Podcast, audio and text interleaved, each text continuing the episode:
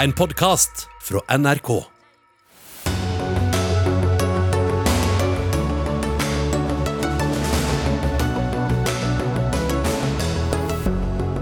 Kunne det som har skjedd i USA den siste uka, også skjedd i Norge? Trusselen mot også det norske demokratiet er høyst reell, sier eh, Ervin Kohn ved Antirasistisk Senter. Donald Trump er utestengt fra Twitter på livstid. Vil gi økt spenning i et splittet land, advarer Pennklubbens leder Kjersti Løken Stavrum. De som er imot avgjørelsen, forstår ikke alvoret, sier VGs Anders Giæver. Så langt i år har tusenvis av mennesker latt være å ta koronatest da de landet på Gardermoen. Regjeringen har ikke kontroll på smitten fra utlandet, kritiserer Fremskrittspartiet. Og Sosialistisk Ungdom vil ha gratis idrett til alle under 18 år. Meningsløs pengebruk, svarer Unge Høyre. Og det er noen av sakene i kveldens Dagsnytt 18. Jeg heter Sigrid Solund. I ettermiddag ble forslaget om å stille Donald Trump for riksrett lagt fram for Representantenes hus. Ifølge CNN skal det stemmes over senere denne uka. President Trump blir anklaget for å ha oppfordret til opprør mot staten. Samtidig har demokratene gitt visepresident Mike Pence 24 timer til å svare på om han vil utløse det 25. grunnlovstillegget. I så fall blir Trump erklært ute av stand til å utføre oppgavene sine, og visepresidenten vil fungere som president. Så langt har republikanerne blokkert forslaget. Og Tove Bjørgaas, utenriksjournalist her i NRK, tidligere USA-korrespondent, hva innebærer denne siste utviklingen? Ja, bare for å klargjøre litt, så er det altså to ting som har skjedd i dag. Egentlig så ville demokratene at hele Kongressen skulle gå med på å sende et forslag til visepresident Pence om at Trump skal at han, Å be han om å avsette Trump. Det kan han gjøre, ifølge dette 25. grunnlovstillegget dersom presidenten regnes som ute av stand til å styre landet. Men da de la fram dette forslaget, så sa republikanerne at de ikke var klare til å støtte det. Og det forslaget blir det da debatt om i morgen. Og en avstemning. Og, og, det må altså være to tredels flertall for å få til dette her. Og det virker ikke som republikanerne er klare til å, å gjøre det. Så har samtidig demokratene også startet da en ny riksrettssak mot presidenten ved å legge fram tiltalen, som, eller si hva de ønsker å stille ham for riksrett for, og det er for direkte å ha oppfordret til vold mot amerikanske myndigheter gjennom å støtte denne, eller å ha oppfordret til da, denne voldelige demonstrasjonen. Så eh, det som egentlig er konklusjonen, er vel at demokratene ønsker at Trump skal gå nå.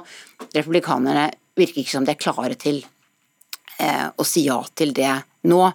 Eh, og, de selv, og, de ønsker altså debatt om det første forslaget. Og skal Trump avsettes i en riksrettssak, så kreves det altså to tredels flertall.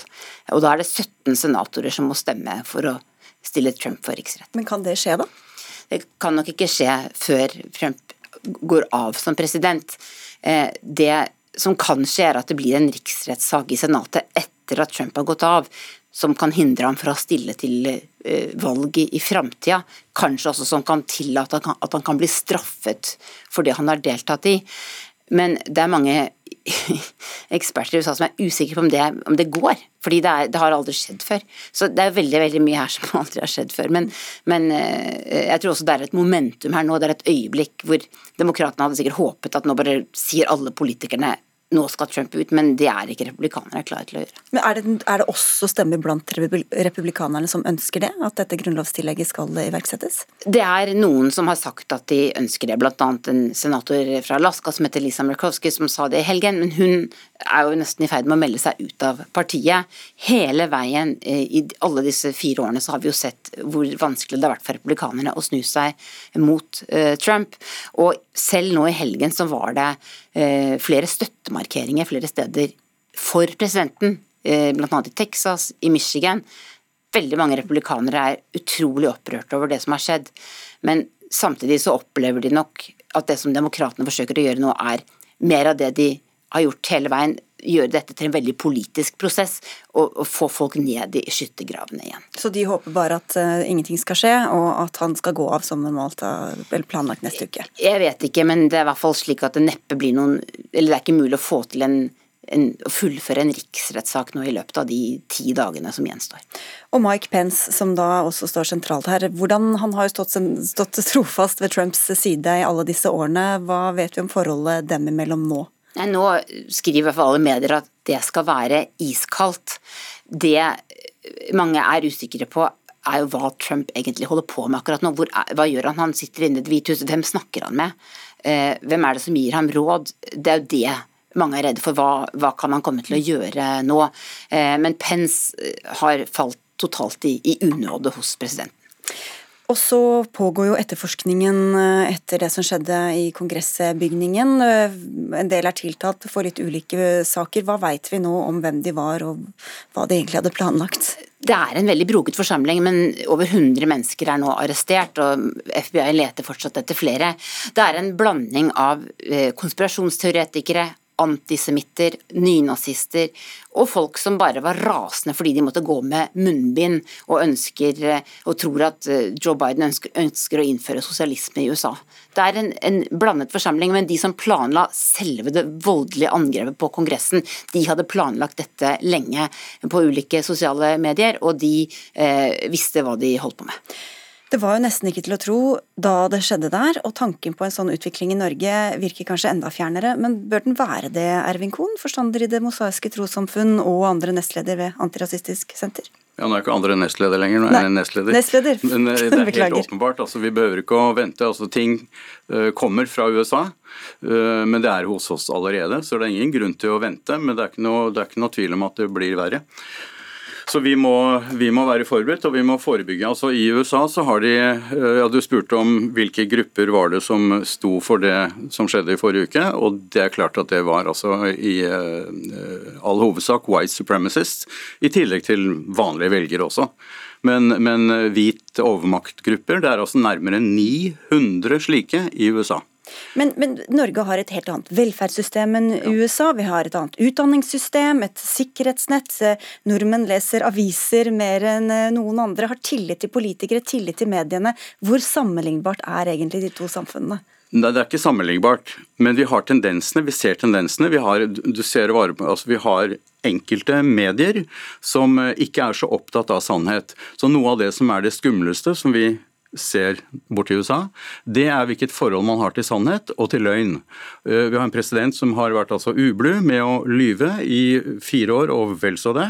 Og folk svelger løgner, folk svelger konspirasjonsteorier, de mest hårreisende konspirasjonsteorier. Og vi har slike medier i Norge i dag som har altså tusenvis av følgere.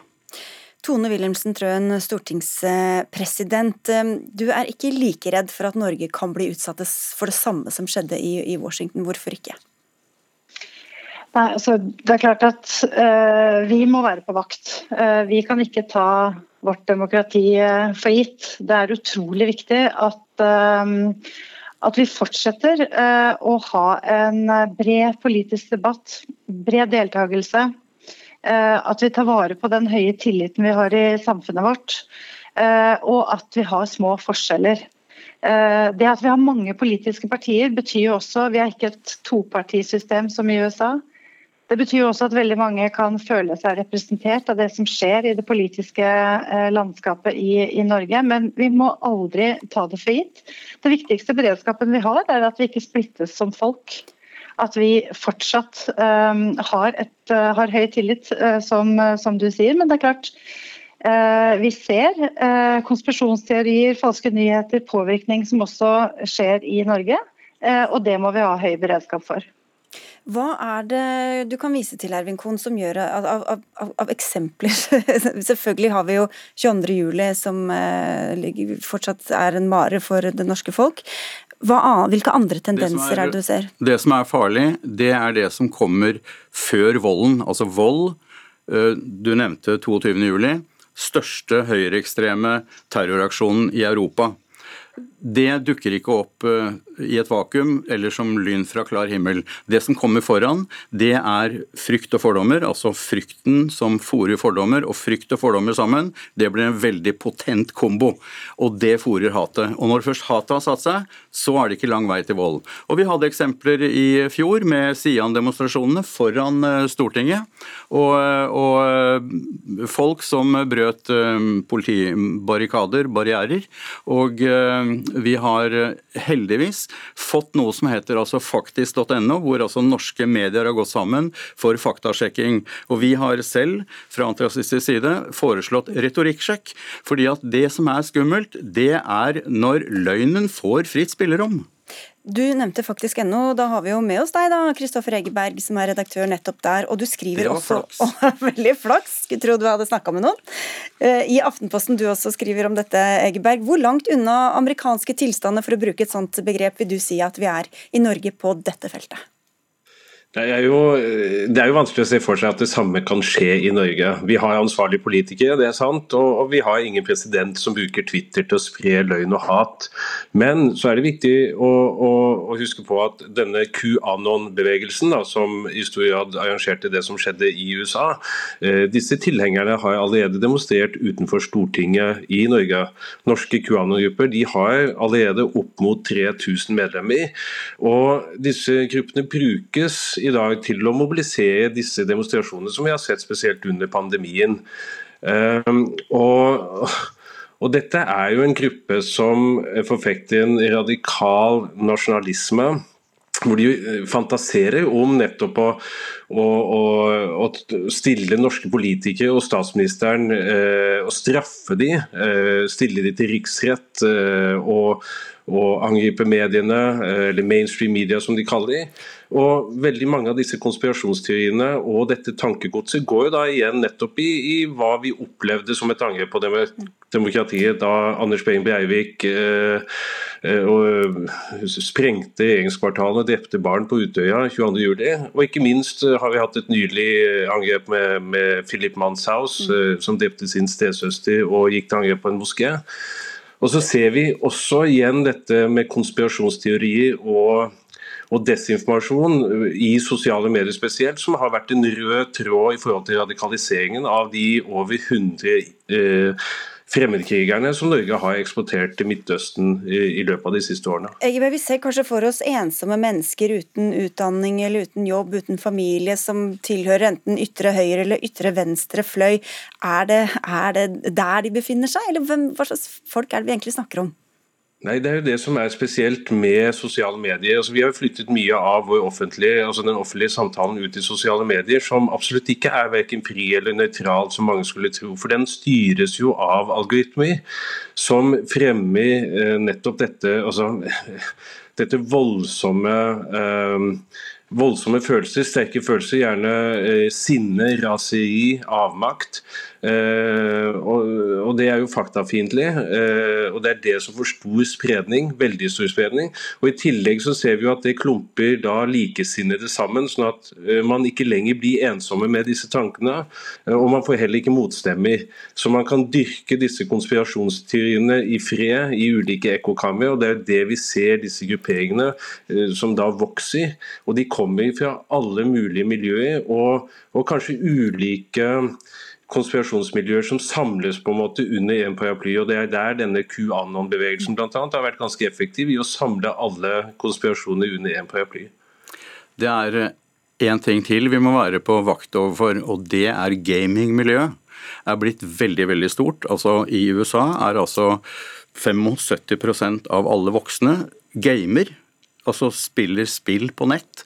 Og der florerer antisemittismen, der florerer rasisme, der florerer, fro, florerer kvinnehatet.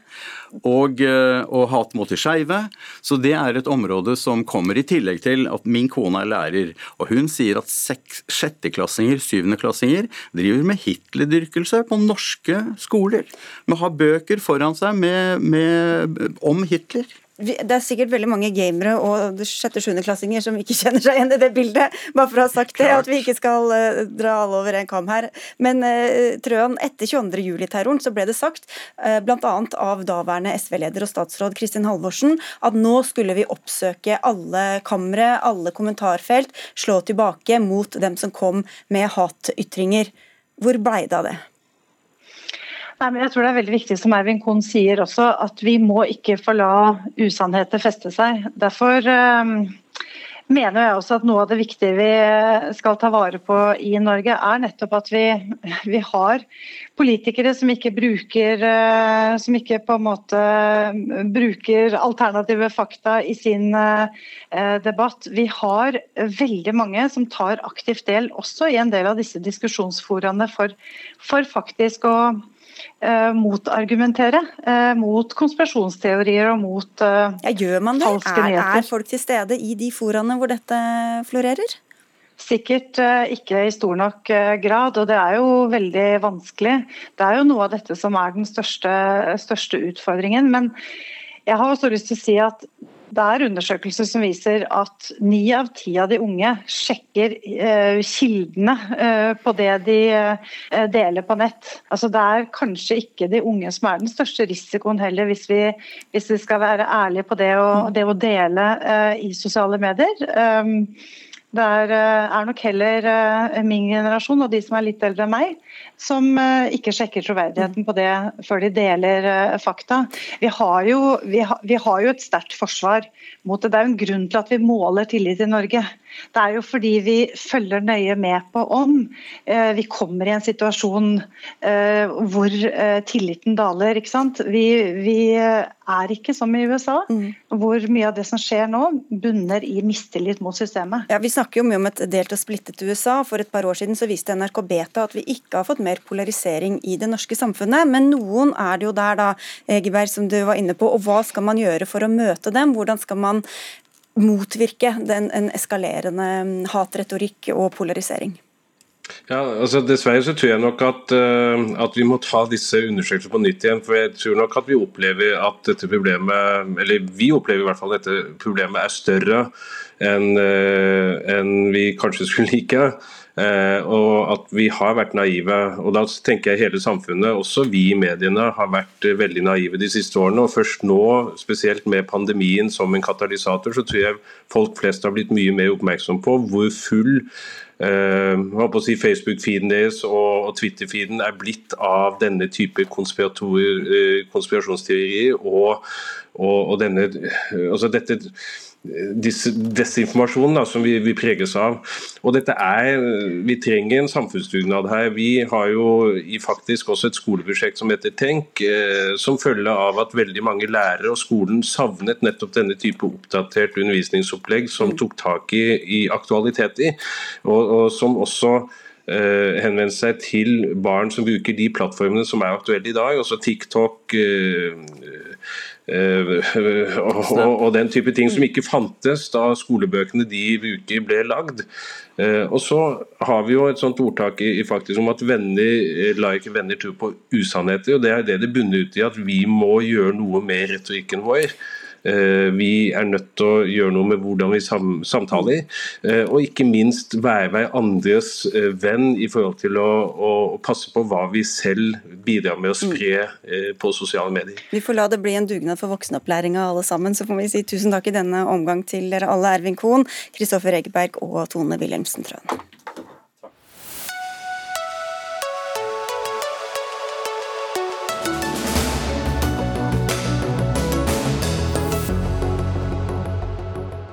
Ikke nok med at han står i fare for å bli kastet som president, ikke får han tvitre heller. Donald Trump skal aldri mer få tvitre et kvidder på sin favorittplattform. Det har ledelsen i det amerikanske nettsamfunnet Twitter bestemt.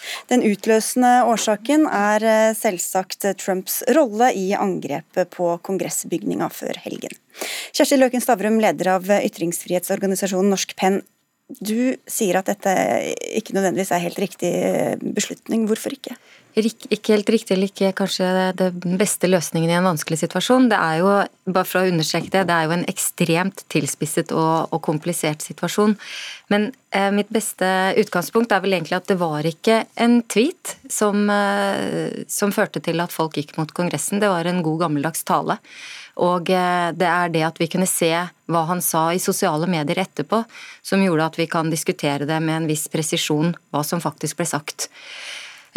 Eh, og, eh, og, vårt utgangspunkt er egentlig eh, slett ikke en bekymring for Trumps ytringsfrihet, men, men rett og slett betyd, viktigheten av å få tilgang på informasjon og vite hva han sa, eh, hva han sier og hva han gjør. Og jeg hørte akkurat Tove Bjørgaas satt der og sa at hva gjør han nå? hvem snakker han med nå? Eh, det ville vi visst eh, hvis han hadde hatt tilgang på sosiale plattformer. Så vi skal ha kontroll ja. over Trump gjennom å slippe Nei, ja, han til Det tror jeg slett ikke vi får. ikke på noen måte. Men, men det at Og så tror jeg videre at det at han nå fjernes fra disse plattformene kollektivt, tror jeg gir en veldig næring ytterligere til, til disse konspirasjonene. Mm. Som, uh, dette er et veldig delt, uh, dette er et delt land. Det er mange som heier på Trump, uh, og, og, han forsvinner ikke selv om han er borte fra de sosiale, åpne sosiale plattformene. Det er mange som har diskutert dette de siste dagene. Anders Giæver, du er kommentator i VG og har skrevet litt om det på Facebook. Blant annet skriver du sitat at ytringsfrihetsorganisasjoner som er mot at han blir kastet ut av Twitter, ikke skjønner alvoret. Hva er det eventuelt Kjersti Løken Stavrum her, og andre ikke forstår? Det er ikke bare Kjersti Løken Stavrum, de har jo stått i kø, alle disse så hele dette ytringsfrihetsindustrielle komplekset i Norge for å, for å ta avstand fra, fra, dette. Norsk redaktørforening, Jonas Gahr Støre, en lang rekke politikere og organisasjoner. Og jeg synes at Det er en perspektivforskyvning. altså Jeg er enig med Kjersti. Jeg lever av å skrive om Trump. Jeg skulle gjerne sett tweeten hans nå jeg, for, å, for å vite hva han tenkte. Men den som har fått ytringsfriheten truet i USA de siste dagene, det er politikerne eh, inne i Kongressen og journalistene utenfor. Som eh, og den tweeten som virkelig var utløsende, det var jo den Trump skrev om Mike Pence, sin egen visepresident, da han sviktet saken. Han utviste ikke det motet som skulle til, ifølge Trump. Da bygger de en galge på Capitol Hill, og så stormer de Kongressen mens de roper 'hang Mike Pence'. Og den samme eh, hashtaggen eh, trender på Twitter, og Mike Pence må altså føres ned i bunkersen under Capitol Hill med hele familien hans som var til stede, fordi han utfører sin grunnlovspålagte oppgave. Eh, folk ble drept der inne. Eh, det er det som er det er her Dette blir, minner meg litt om sånn toleransedebatter hvor vi skal liksom uh, tolerere religiøs praksis som undertrykker andre, andre mennesker.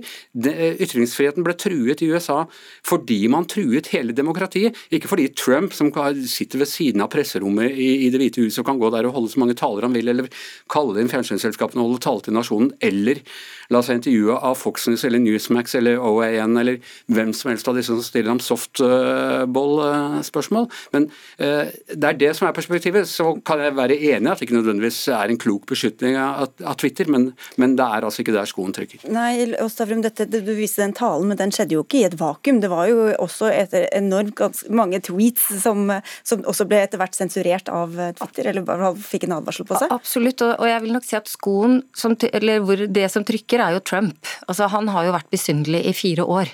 Eh, og det er jo ikke noe Eh, altså Han har jo gått over grensen mange ganger, eh, jf. det han har eh, nå blitt tatt ut for. Så, så, men nå diskuterer vi hvorvidt det var eh, klokt at han ble fjernet fra de sosiale mediene. Og i den situasjonen vi er nå, så, så, så tror jeg at det hadde vært bedre at han eh, hadde vært der, og at vi hadde sett hva han gjorde. Eh, og, og så er det jo viktig å ikke blande sammen at noen tar seg inn i Kongressen, og hva som faktisk ble sagt. Jeg ser jo nå denne riksretts, eller ønsket om riksrettstiltale og formuleringen der, hvor, hvor, jo, hvor, formuleringen er at han oppfordrer til vold. Det tror jeg, jeg mener det er interessant i lys av at han jo egentlig ikke sier det. Eh, og Hva var det han sa, og hva er det han ble anklaget for? De skal gå og ta tilbake valget som er stjålet fra dem. Absolutt, men, men det eh, mener jeg det er det vi, vi, må, vi må diskutere ut fra hva som faktisk ble sagt. og Det er veldig viktig at vi da vet hva som ble sagt. Fordi her i disse dagene så er jo presisjonsnivået bare Ja, jeg tenker det er veldig men, viktig. Men det, det altså, jeg, jeg tenker, Hvis du tenker på Twitter da som et redaksjonelt produkt, du, du har vært redaktør. Ja. Eh, du ville aldri tillatt eh, en statsleder å uimotsagt holde på sånn eh, i ditt fora. Du skal ha en innsettelse i Washington nå. Og, og hvis Trump da holder på med at, at Biden er en illegitim leder som er en, pup, en marionett for dypstaten osv., Eh, holder på sånn, så er, kan det oppstå nye farlige situasjoner. Vi skal slippe til en til her. Anine Kierulf, fagdirektør ved Institutt for menneskerettigheter og med ytringsfrihet som spesialfelt. Handler dette om ytringsfrihet? Ja, jeg tror det er fullt mulig å, å, fastholde at det handler om ytringsfrihet, selv om man kan dele alle bekymringene til Anne Skjever. Eh, for dette handler om hvordan vi har flyttet mye av vår demokratiske samtale inn i sosiale medier, eh, holdt jeg på å si helt frivillig, eh, men på en måte som gir dem utrolig stor makt over det som i realiteten er store deler av vår demokratiske samtale, hvor politikere er der, mediene er der. Dette programmet styres til dels av det som skjer der.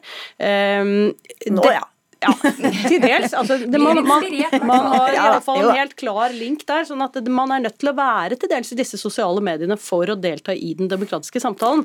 Kjærulf, jeg har kranglet om dette tidligere. Dette, på, dette, på Facebook var vel det, ja. Eh, men for dette er ganske alvorlig, egentlig. For jeg vil si at Det mest negative med denne utstengelsen, det er jo, eh, det er jo at man flytter fokuset fra det du er opptatt av, eh, til et spørsmål om Twitter. Mens det mest positive med denne utstengelsen, det er at vi er nødt til å ta denne samtalen. og den må vi ta mye oftere, for vi har outsourcet altfor mye av vår demokratiske samtale til eh, enkeltpersoner med en vanvittig stor makt. De er ikke demokratisk valgt, naturlig nok. Rettslig sett er det de gjør helt på det tørre. De har sine private tjenester som vi bruker. Vi godtar deres brukervilkår. Men gjennom det så gir vi dem makt til helt vilkårlig å håndheve regler som endrer seg. Eh, de er, eh, de er helt vilkårlig håndhevet. Vi har ingen innsyn i mulighet til å påvirke dem. Vi har ikke noe kontradiksjon. Vi har ingen innsyn i hvordan algoritmene styrer samfunnssamtalen i det hele tatt. En stor del av det som er, utgjør egentlig grunnlaget for vårt demokrati, er i realiteten nå på plattformer som sitter på noen veldig få private hender, og som åpenbart beveger seg meget sterkt i flokk. Altså Her har man jo ikke bare Twitter, men veldig mange av disse andre plattformene som nå plutselig har funnet ut at Trump er farlig. Det har vel de fleste av oss andre forstått en god stund. Ja, men samtidig så er det jo deres, deres retningslinjer, deres premisser, som du sier, Kjerulf. Og, og da lurer jeg på, Stavrum, du sier at det ikke er klokt. Skal Twitter eller andre ta en beslutning på hva som er lurt eller ikke for det amerikanske samfunnet, og hvorvidt hvem de skal slippe til eller ikke på sin plattform? Ja, og det gjør de jo hele tiden. Eh, og det er jo der vi dessverre har havnet, at, eh, at det er opp til dem. Eh, og nå har jo Trump vært en prominent bruker, og når da Facebook kutter han ut, så, så får han en egen post av Mark Zuckerberg som jo bekrefter bekrefter at han er ingen hvem som helst. Mens da Anine Kierulf ble stengt ut, så tror jeg ikke du hørte noe som helst. Nei, det var bare flaks å komme inn i. Og det er også det, Hvor mye har ikke Twitter tjent på å la Trump drive disse konspirasjonsteoriene frem, løfte frem det mest aggressive agget eh, i, hos sine velgere, bygge opp til alt det som har skjedd nå, så blir han utestengt på bakgrunn av to tweets som på ingen måte oppfordrer til noe som helst. Det er helt vilkårlig. Og, og bakteppet, da, som jeg egentlig syns er veldig interessant akkurat nå, er jo at når, idet Biden går inn i Det hvite hus, så starter egentlig et varslet nytt regime for teknologiselskapene. For de er blitt lovet å komme under sterkere regulering og, og konkurranselovgivning. Så Derfor så blir også dette litt pussig, og det må, vi, det må, vi, ha med oss når vi diskuterer dette. Hvorfor gjorde alle sammen dette nå? Eh, og det er nok eh, delvis for å snu kappa etter en ny vind. Og så må vi tenke, jeg må bare til Anders også, jeg må bare nå, nå syns vi at dette er fint og bra, fordi vi er enig i beslutningen. jeg syns ikke det er fint og bra, jeg har sagt flere ganger. Nei, nei, men, men, problemet er når det sitter andre mennesker der og tar avgjørelser på, basert på helt andre verdigrunnlag, og det er de som røkter vår offentlige samtale. Jeg er enig i alle teoretiske utlegginger om dette her, men det blir litt sånn uh, Unge Venstre-seminar på, på 90-tallet om ytringsfrihet. Fordi problemet her er altså at du har en eh, revolusjonsaktig bevegelse i USA som, som, går, som, går, som stormer Som går dessverre glimrende helt uten Twitter. Ja, men som da blir jazzet opp uh, via Twitter, fordi Trump har fòret dem med løgner uh, så lenge via Twitter om at dette er Altså, De folka som stormer Kongressen, de tror på dette. her, De De sitter ikke sånn som oss og ler ha-ha, Trump er bra dum som ikke skjønner. For dem er det alvor. De tror at valget og demokratiet er stjålet fra dem, at dypstaten har overtatt. At pedofile demokrater som spiser barn Tror du dette endrer seg ved at Twitter utestenger ham nå? Men hva skal de, gjøre da? Altså, skal de, fortsette å merke hver eneste tweet eh, han kommer med, eller hvordan skal Twitter forholde seg til det? Twitter har jo et helt klart ansvar for eh, ikke å bidra til oppfordring til vold, f.eks.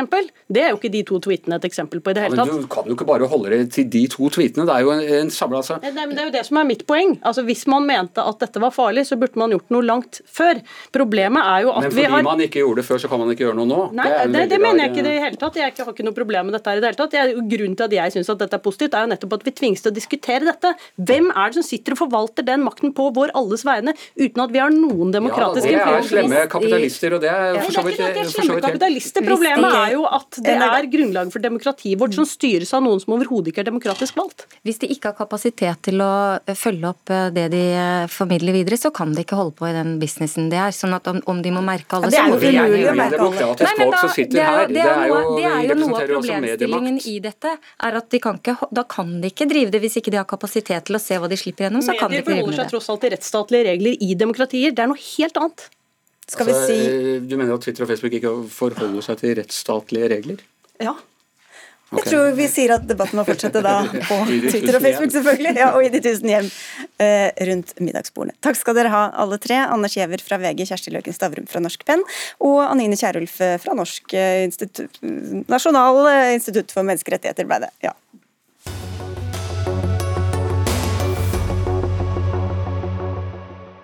Og du hører og ser, eh, eller i hvert fall en av delene, Dagsnytt 18, hvor vi litt seinere i sendinga skal diskutere hvordan forbudet mot utenlandsk spillreklame skal håndheves. Men nå skal det handle om koronapandemien. Mellom 2. og 7. januar landet flere enn 6000 mennesker på Oslo lufthavn Gardermoen som ikke tok koronatest da de ankom. Det viser en eh, oversikt fra Ullensaker kommune som VG har fått tilgang til. Fra 2. januar ble det obligatorisk å teste seg ved innreise til Norge. Hvis man ikke tester seg på flyplassen, må testen gjennomføres innen 24 timer i kommunen man kommer til. Sylvi Listhaug, eh, nestleder og Fremskrittspartiet nestleder og stortingsrepresentant fra Fremskrittspartiet. Du sier i dag at man kan ikke bare ha fine regler på papiret uten en plan for hvordan de skal følges opp. Hva er det du savner i oppfølginga? Nei, Her kommer det tusenvis av arbeidere til Norge, og man har i praksis ikke kontroll på disse personene når de reiser ut. Følger de disse karantenereglene? Tar de tester? Og vi ser jo det at eh, i hvert fall tilbakemeldinga til oss er at det, det, rett og slett er ute av kontroll der ute. Og det sier folk som sitter eh, politi på grensekontrollen som ser hva som skjer i, i dagliglivet. Én ting er Gardermoen, vi har mange flere flyplasser, vi har grenseoverganger på Svinesund. og det er akkurat samme situasjon der, at det slippes massevis av folk inn i landet uten kontroll. Og Da er kontrasten til det at innføres kjempestrenge tiltak for oss som bor i dette landet. Folk sitter på hjemmekontor, snart gjort det et år. Barn kan ikke gå på skolen halvparten av tida. Eldre og pleietrengende og alt det de opplever, og den ensomheten som brer seg ut. Enorme kostnader. Og da er det rett og slett provoserende å se at regjeringa ikke har kontroll på grensene. Men også for alle oss andre så er det jo tillitsbasert at vi ikke skal møtes for mange, ikke mange av gangen, ikke mange i uka osv. Hvorfor skal det være så veldig streng kontroll på akkurat dette, mens alle de andre tiltakene heller egentlig ikke blir fulgt opp i noe særlig grad. Nei, nå er det vel spørsmålstegn ved om det, man er like flink å følge disse reglene i alle andre land. Det har man vel til dels sett at det er kanskje ikke det samme uh, utgangspunkt for mange av de som kommer hit.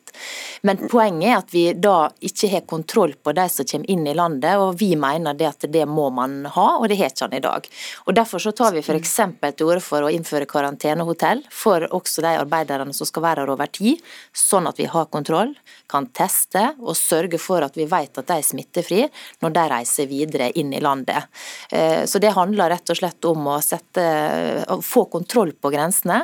Og det er klart Når regjeringa utreder portforbud, altså i realiteten vil ha muligheten til å mm. sette oss i fengsel i egne hjem innenfor visse tidspunkt, da er det rett og slett provoserende å se at man ikke har kontroll på grensen. Det, det, er jo en utredning, det ville du sikkert si, så jeg sier det for deg. Jeg er Lars Jakob Him, statssekretær eh, ved Justis- og beredskapsdepartementet, og så kan du forholde deg til den kritikken mot de importsmitten, da, som det også kalles. Hva er vitsen med obligatorisk testing hvis man ikke kontrollerer at det overholdes? Vi har innført en lang rekke tiltak nå for å få bedre kontroll på grensen. Vi deler den bekymringen om at eh, vi må få ned importsmitten, eller i hvert fall sørge for at den blir så lav som mulig. Derfor har vi innført bl.a. denne testingen. Vi har stengt en del grenseoverganger. Vi har innført eh, obligatorisk registrering, altså man skal varsle hvor man kommer fra, hvor man skal. Eh, og man har, vi har innført et krav om test 72 timer før man kommer, og så har vi denne testen. Men det er fortsatt sånn at vi ser at eh, disse nye tiltakene er ikke godt nok rullet ut enda. Vi jobber nå med tiltak for å få dette til å fungere enda bedre, fordi vi er helt enig i at eh, såpass mange som går forbi uten å få testing, og at vi, vi har en utfordring i kommunene fordi de har veldig mange oppgaver for tiden. De skal både hjelpe til på testing på grensen, de skal teste i sin egen kommune, de skal gjennomføre vaksine og de skal drive med smitteoppsporing f.eks. Ja, I dag kom det fram bl.a. at flere journalister som, fra Sverige som jobbet med dekningen av skredet i Gjerdrum, de brøt karanteneplikten. Når ikke engang våre nærmeste naboer klarer eller, eller gidder å sette seg inn i reglene og følge dem, hva mm. sier det om, om hvor god kontroll man har? Nei, det er selvfølgelig ikke bra nok, og de har fått beskjed om hvordan reglene er. Og eh, der eh, det gis både informasjon på grensa, man får en SMS om hva slags regler som gjelder når man kommer over grensa, men det er hele tiden behov for bedre tiltak, og det jobber vi eh, kontinuerlig med. å se hvordan vi kan få ytterligere kontroll på det. Men det er klart, dette er nye tiltak. Det er mange oppgaver som kommunene sitter på, som vi hjelper dem med. Men eh, vi må sørge for at de får bistand også på det. Ja, Attestene som mange av disse tar med seg, er jo ikke verdt papiret det er altså, Attester på at de ikke er smittet. Ja. Og det, jeg mener, Da er det bare å si med en gang at da legger ikke vi det til grunn. Når folk kommer hit, så må de teste seg i Norge. og Disse attestene de skal ikke godkjennes i Norge, for vi må ha kontroll på dette. her. Og det er klart Når man hører da om, om journalister fra Sverige, og det er jo grunn til å tro at det er flere enn de som gir blaffen i disse reglene, så er det jo en hån mot alle de som nå sitter hjemme, har gjort det snart et år eldre som dør uten sine kjære rundt seg, alle de forferdelige historiene vi har hørt, den omkostningene som dette er for befolkninga, og så har altså ikke regjeringa kontroll på grensen. Og Det er da jeg sier at nå må man innføre strengere tiltak. Ja, for ta det der karantenehotell f.eks. Hvorfor kan ikke alle som kommer hit sitte svare på denne med tester, fordi det er riktig at det har vært noen som har misbrukt den ordningen, eller det vil si levert altså disse attestene? Ja, ja. At de ikke har hatt uh, tester som de har gjort selv. De har blitt, uh, vi har bortvist 2500 uh, siden november på grensa, og mange av de, eller et flertall av de, er bl.a. på manglende test. Så det blir kontrollert, men selvfølgelig så er det alltid noen som kan misbruke ordningene. Men jeg tror ikke det er noe poeng å fjerne Nei, noe som allerede fører til en Når man da vet at dette blir misbrukt, hvorfor ikke da innføre karantenehotell som ville sikret at man i hvert fall ikke importerte Vi har jo innført karantenehotell, og vi har, senk, og vi har senket prisen på det, sånn at det skal være enklere for arbeidsgivere å bruke det for sine arbeidstakere. Men nå skjønner jeg ikke helt, Må alle sitte på karantenehotell? I utgangspunktet skal alle sitte i karantenehotell. Så er det en del unntak. Det hadde vi en stor runde på før jul, hvor vi lempet litt for privatpersoner som kom hjem til jul hvis de kunne låne en sokkelleilighet av familien eller en hytte eller andre ting, mens vi strammet litt inn på vilkårene for arbeidstakere som kommer, at det var klare krav til hvordan karantenen skulle gjennomføres hvis den ikke skulle være på karantenehotell. I tillegg til at vi har senket prisen på det. Men vi er åpne for å vurdere ytterligere tiltak hvis det er nødvendig. Nå har vi innført en god del nye tiltak for en uke siden. Vi ser hvordan de fungerer, og vi vurderer om det er behov for tilstramminger på de allerede nå, og dette vil være en løpende vurdering. Et forslag som har kommet er fra Oslos ordfører Raymond Johansen. Han mener at de som ikke tester seg innen fristen må bøtelegges. Er det en god løsning, Liste? Ja, jeg tror at dette med å gi økonomisk straff, det er et språk som mange forstår. Og jeg mener det kan være noe å, å se på. Men det er klart det som også er stiller spørsmål det er straffbart. Det står i forskriften. Ja, Men jeg tror ikke det virker jo ikke som man har dratt inn så veldig store Nei, men Dette er jo ganske nytt, da. Så, og Vi er jo avhengig av å få tips på det, men dette er politiet klare til å følge opp og kunne gi bøter på. Så det er, det er straffbart i dag. Ja, Men da er det jo litt viktig at de kommunene der disse folka skal ut og melde seg for testing, at man da har oversikt over hvem de er og, og hvilke kommuner de skal til. For det er jo der den missing link her er, at man har ikke kontroll på det. Og da har man heller ikke kontroll på de som befinner seg i Norge. Men det som jeg i hvert fall har stilt spørsmålstegn ved, det er jo hvor mye av den smitten vi nå ser er importsmitte. For å ta Vestnes som et eksempel. Det er jo en kommune som et skipsverft. Det er mange arbeidere der som gjør en kjempeinnsats, det er ikke noe med det. Men siden eh, påske og fram til i går, så hadde de 73 smittetilfeller. 70 av dem var knytta til arbeidsinnvandrere, altså smitteimport. Eh, og Det er klart at det, det, er jo interessant å vite tallet i sin helhet nå. og Jeg håper at regjeringa snart kommer med det. for da, Det som da er problematisk, er jo hvis det innføres kjempestrenge restriksjoner på oss som bor her i landet, og så utgjør importsmitten en stor del av det. Da tror jeg mange syns at dette begynner å bli svært vanskelig. Mm.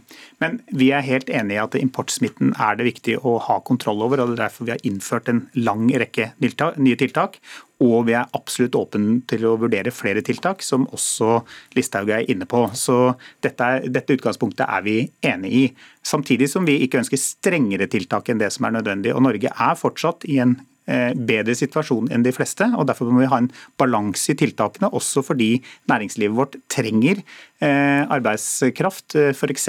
i Nord-Norge så er Så fremt det ikke smitter alle de andre arbeidstakerne? Og da må man ha en streng og god oppfølging av det. Jeg tror Det som er viktig, er at dere nå tar dere en tur og snakker med folk som sitter der ute og skal forvalte disse reglene. For tilbakemeldinga er at det hjelper ikke å ha regler på et papir hvis ikke du kan gjennomføre dem på en god måte i praksis. og Det er der det er en missing link. og Da håper jeg at dere tar dere tid til det. For det, dette må skje raskt. Eh, når vi ser at det er tusener på tusener av personer kommer til Norge nå eh, og potensielt har med seg smitte. Jeg deltar jevnlig på beredskapsmøter som Direktoratet for samfunnssikkerhet og beredskap har med de kommunene som f.eks. har karantenehotell, for å se at dette fungerer på en god måte og følge opp de problemene de møter løpende. Da tror jeg dere skal snakke med flere kommuner enn akkurat der, for her er det mange utfordringer. Ja, ja. ja. Takk skal dere ha begge to, Sylvi Listhaug fra Fremskrittspartiet og statssekretær Lars Jakobin.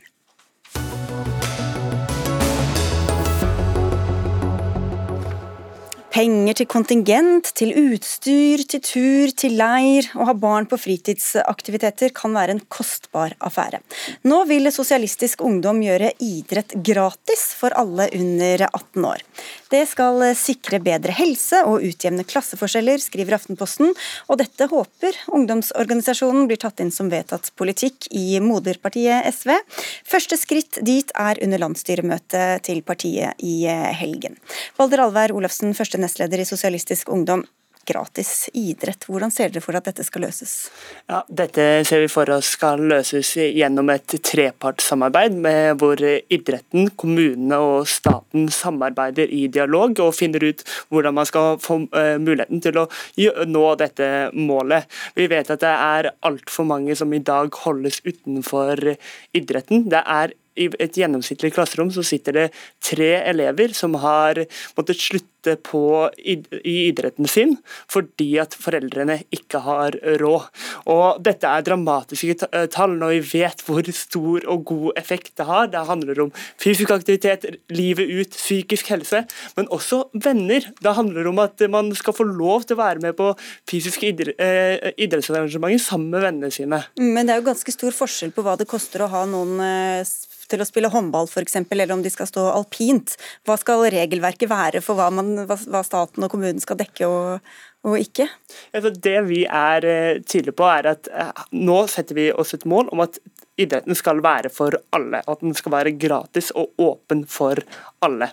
Da er det idretten kommunen og staten som må gå sammen og Dere har bare ideen, så må de andre finne hvordan det skal ja, gjøres? Men, ja, ja, ja, men det vi sier er hvor er målet hen? Hvor, hvor, er det vi skal hen? Hva slags virkemidler skal vi ta i bruk? Vi vet en del virkemidler som trengs gjennom dialog. Vi vet bl.a. Eh, gjennom at baneleie er altfor dyrt. Vi vet at eh, kommunene kan ta ansvar for det. Vi vet at det er mange tiltak som kan settes inn, f.eks. byttemarkeder. Hva skjer hvis du åpner et byttemarked hvor eh, alpinskiene dine leveres inn, og hvor du får et eh, alpinski i rett størrelse? Det er mange tiltak som i dag ikke er på plass, hvor ting koster enormt med penger, som vi har mulighet til å få på plass, mm. og hvor vi har mulighet til å gjøre barneidretten for alle. Hvis vi, hvis vi lar det praktiske ligge, Håkon Snortheim, første nestleder i Unge Høyre. Er du enig i prinsippet? At alle bør få ha tilgang til å drive med idrett når de er unge og barn? Ja, altså SU eller SV og Unge Høyre er nok også enige om målet om at flest mulig unge skal få lov til å delta på fritidsaktiviteter. Flest mulig, altså de som har råd? Nei, altså sånn, eh, Det er flere som holder på med fritidsaktivitet, altså trener én gang i uka nå, enn det det var f.eks. i 2007. Så trenden går jo riktig vei. Men det jeg mener at det er dumt med SV eller SV sitt eh, forslag, det er måten den er lagt opp på.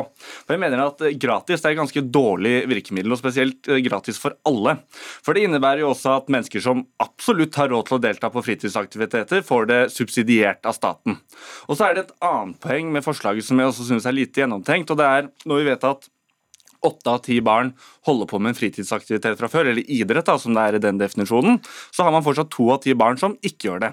Og Det betyr ikke at de eh, ikke nødvendigvis ikke har råd, men det kan være at de holder på med andre ting, som dans, det kan være korps, det kan være e-sport, som er liksom noe helt eh, så nytt som har kommet frem nå de siste årene. Og da mener jeg også at eh, man, Hvis man i det minste skal ha sånn forslag, da, så bør man tenke litt bredere og litt annerledes enn å bare mene at det er idretten som er løsningen på det å ha et fellesskap å tilhøre. sitter du faktisk her og sier at når det i et gjennomsnittlig klasserom sitter tre elever og som blir tatt ut av idretten sin fordi foreldrene ikke har råd, at de ikke skal få muligheten til å være med i den idretten, det er vi helt uenig i. Vi mener at nå setter vi et tydelig mål. Vi vet hva en del av virkemidlene, vi vet som, hvilket organ det skal løses, og sier at nå må vi legge penger på bordet. Og det her er også ikke bare god måte å utvide velferden på, men det er også et godt forslag, økonomisk forslag. For vi vet at eh, som regjeringen har bestilt. har bestilt flere rapporter bl.a. på folkehelse. og et Enkle tiltak kan gjøre at man sparer opp mot 240 milliarder kroner. Nordmenn er ekstremt inaktive. Eh, 75% av nordmenn er innenfor den graden av inaktivitet. Så, hvis vi har enkle tiltak, så kan vi også spare penger ja, og, for å bare, og jeg skal bare ta med, ta med, et argument til her eh, på dine vegne, da, eh, til deg, Snortheim. For Aftenposten skriver at Oslo-politiet erfarte en nedgang i ungdomskriminaliteten da Oslo gjorde idrettstilbudet nærmest gratis for 25 000 barn og unge i sommer. Så hvordan vet du at dette ikke lønner seg i det store bildet, både folkehelsemessig, på kriminalstatistikken osv.?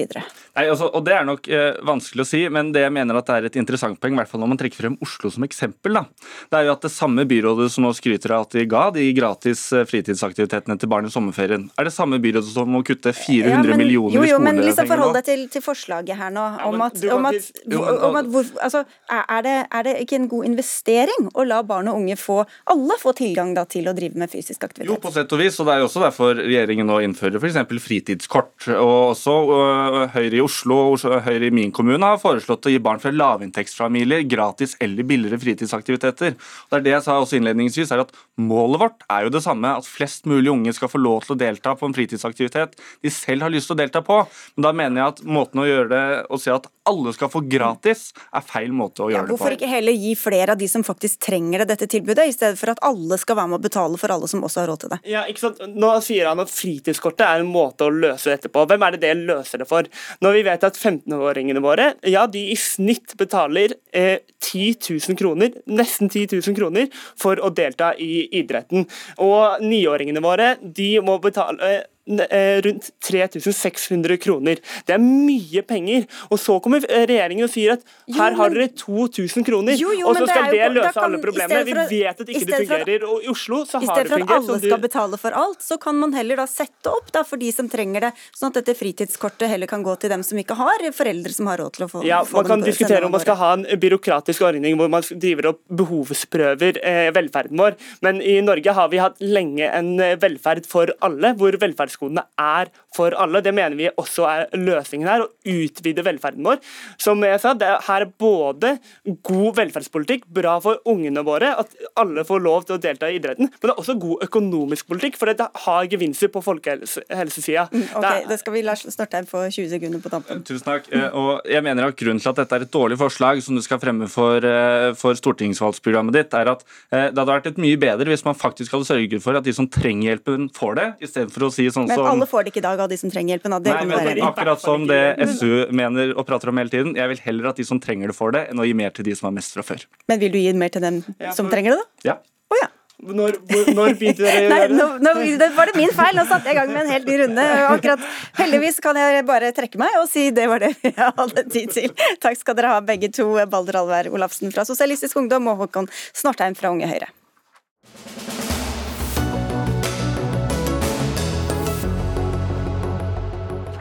Sånn er det å være programleder. Oslo tingrett har avvist Discoverys søksmål mot staten, det skriver Kampanje. Medieselskapet gikk rettens vei for å stanse forbudet mot spillreklame. For fra 1.1 kan Medietilsynet pålegge norske distributører å forhindre eller vanskeliggjøre markedsføring av pengespill rettet mot Norge. Discovery, som står bak kanaler som Fem, Max og Eurosport, mener at reklamen er lovlig, ettersom sendingene kommer fra utlandet og gikk altså rettens vei, og dette ble nå avvist. Og hva kan den avgjørelsen få å si, kulturminister Abid Raja? Ja, aller først er jeg veldig glad for at Oslo tingrett har avvist eh, det eh, søksmålet. Så må vi jo eh, ta med oss hva debatten egentlig handler om. I Norge så er det ikke lov til å ha pengespillreklame enn de som har direkte tillatelse til å føre den reklamen. og Det er jo utgangspunktet, altså Norsk Tipping. Mens disse utenlandske bettingselskapene eh, gjennom eh, enkelte TV-kanaler, de har valgt å bryte med norsk lov. De vil ikke forholde seg til reglene. Selv om både regjeringa og Stortinget har sagt at vi ikke ønsker den type ulovlig pengespillreklame i Norge, som er ulovlig etter norsk lov. Og hvorfor gjør de det? Det er fordi de tjener milliarder på dette. Det er jo nordmenn som har altså både spillavhengighet og spillutfordringer. Totalt sett er vi oppe i 175 000. 55 000 av de har altså direkte spillavhengighet. Så de kynisk utnytter den spillelysten som er i befolkninga for å maksimere sin gevinst. Og endelig så har vi nå fått på plass en lov som gjør det mulig nå for Medietilsynet å gi pålegg om at de som sender disse signalene, mm. altså er, vi snakker om TV3 og TV Norge, at de da som sender disse signalene gjennom da norske distributører, som Telenor, at de skal da stanse den ulovlige pengespillreklamen. Og mange har jo sagt at de gjør det også. Eh, Discovery har har vi invitert, selvfølgelig. De har en måned på seg til å eventuelt anke saken. De ønsket ikke å stille hos oss, men de sier at de mest trolig kommer til å anke, og sier at de ønsker å prøve et rettslig spørsmål som er svært prinsipielt og viktig for dem, og at det eneste staten har oppnådd ved Oslo tingrett, er at uh, det å få prøvet dette spørsmålet kan ta noe lengre tid. Men uh, hvis vi legger det rettslige litt til side, Pernille Husby, uh, og forholder oss til den nye lovgivningen. Du er generalsekretær i Aktis, rusfeltets, rusfeltets samarbeidsorgan. Hva, hva, hvorfor er det så viktig med dette nye forbudet som trådte i kraft nå? Vi vil jo oppnå to ting. Eh, det ene er å eh, sørge for å ha et bedre vern for de som allerede sliter med et pengespillproblem eller står i fare for å utvikle problemer. De får jo hele tiden eh, en trygging av den spillelysten de sitter med og som de sliter med. Eh, og disse reklamene spiller jo også på eh, det som trygger mest. Det er klart, Dette er profesjonelle aktører. Og det er jo den type virkemidler som vi ikke har lov til å drive med, heller ikke Norsk Tipping i Norge, å ha sånn gratis og bonuser og en del sånne virkemidler. Så det oppnår vi, og så oppnår vi jo samtidig å stanse den utviskingen eh, i befolkningen av å forstå hva som er lov og ikke lov. Eh, for det som vi har sett gjennom denne markedsføringen over tid, er jo at eh, folk forstår ikke helt hva som er lov og ikke lov, og hvilke aktører som er lovlige i Norge og hvem som ikke er det. Det er omtrent halvparten som tror at disse aktørene har lov til å tilby spill i Norge, og det gjør jo at folk velger det. Eh, og da sånn sett også mister forbrukerrettighetene som de ellers ville hatt. Men så er spørsmålet hvordan dette skal håndheves. Dag Arne Haug, du er styreleder i Kabel Norge, en bransjeorganisasjon som altså samler kommersielle kabel-TV-operatører her til lands. Hvordan forholder dere dere til det nye lovverket? Dette er jo en utfordring, og det er klart eh, vi har veldig forståelse for intensjonen i forhold til eh, at man prøver å begrense spilleavhengighet. Men vi har én rolle, og det er som distributører. Altså Vi kan si at vi representerer da en bransje som har en digital motorvei. Eh, hvor eh, det er lastet opp med innhold som går ut i de tusen hjem. Og Her snakker vi om titusener av programmer og eh, filmer og serier som går live. Og dette har vært et hovedprinsipp hele veien, at vi som distributør vi skal sende samtidig uendret. Det gjelder selvfølgelig også NRK. altså Disse sendingene her går jo da samtidig uendret ut til de tusen. Altså Dere har ikke noe å gjøre med innholdet, eller? Vi har ikke noe redaksjonelt ansvar i forhold til innholdet. og Derfor så kom vi da i et veldig dilemma i forhold til denne nye lovgivningen. Og vi, vi vi ser jo at uh, Nent har jo forholdt seg til dette litt annerledes enn Discovery. Ja, Det er de som eier TV3, blant annet. Det er de som har mm. TV3-kanalene, som også sier nå at eh, nei, de vil forholde seg til denne endringen og vil ikke legge ut reklame for er, disse spillselskapene. Og Det er jo veldig bra, for jeg vil jo berømme TV3 og Nent Group, som vil følge det regjeringa og Stortinget sier, og det er å ikke sende ulovlig pengespillreklame med Discovery.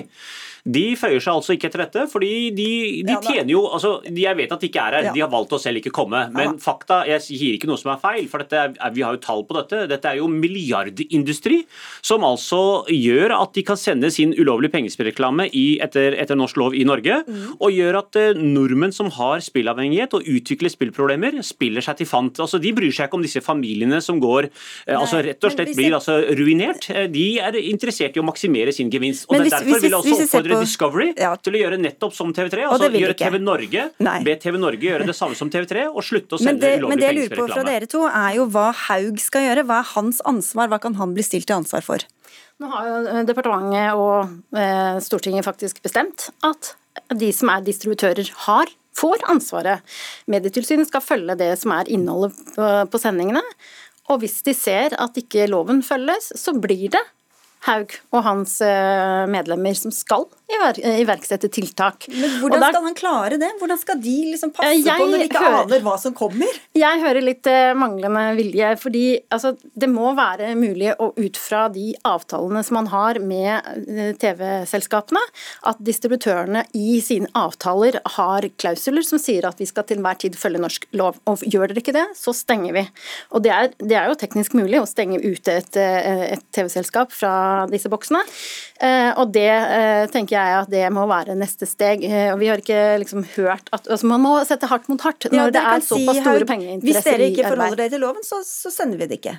Så enkelt er det. Ja, utgangspunktet her er jo at alle distributørene har jo avtale med kringkasterne.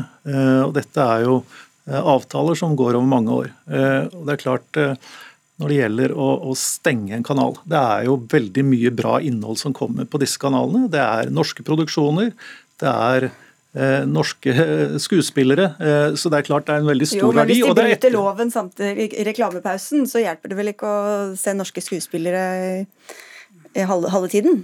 Nei, Samtidig så er jo dette altså den rollen vi har som distributør, eh, å gå inn og gjøre endringer som er problematisk. Vi vet ikke når sendingene kommer.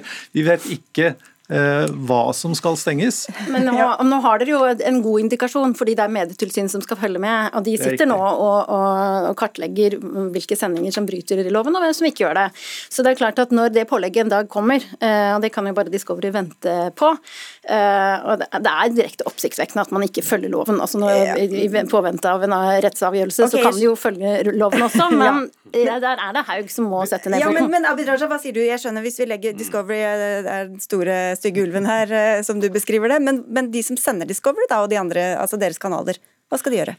Ja, altså, eh, Hvor det er vilje, så finner man også en vei. Jeg tror jeg hører litt resignasjon her. Eh, fordi De har jo ikke engang forsøkt foreløpig, så de må jo først forsøke. Det som er veldig bra, som, eh, som jo Haug startet med å si, er at de er enige i at vi skal begrense ulovlig pengespillreklame i Norge. Og det skal egentlig ikke være ulovlig pengespillreklame i Norge i det hele tatt. Så det er jo veldig bra. Da er vi så langt kommet til enighet på det.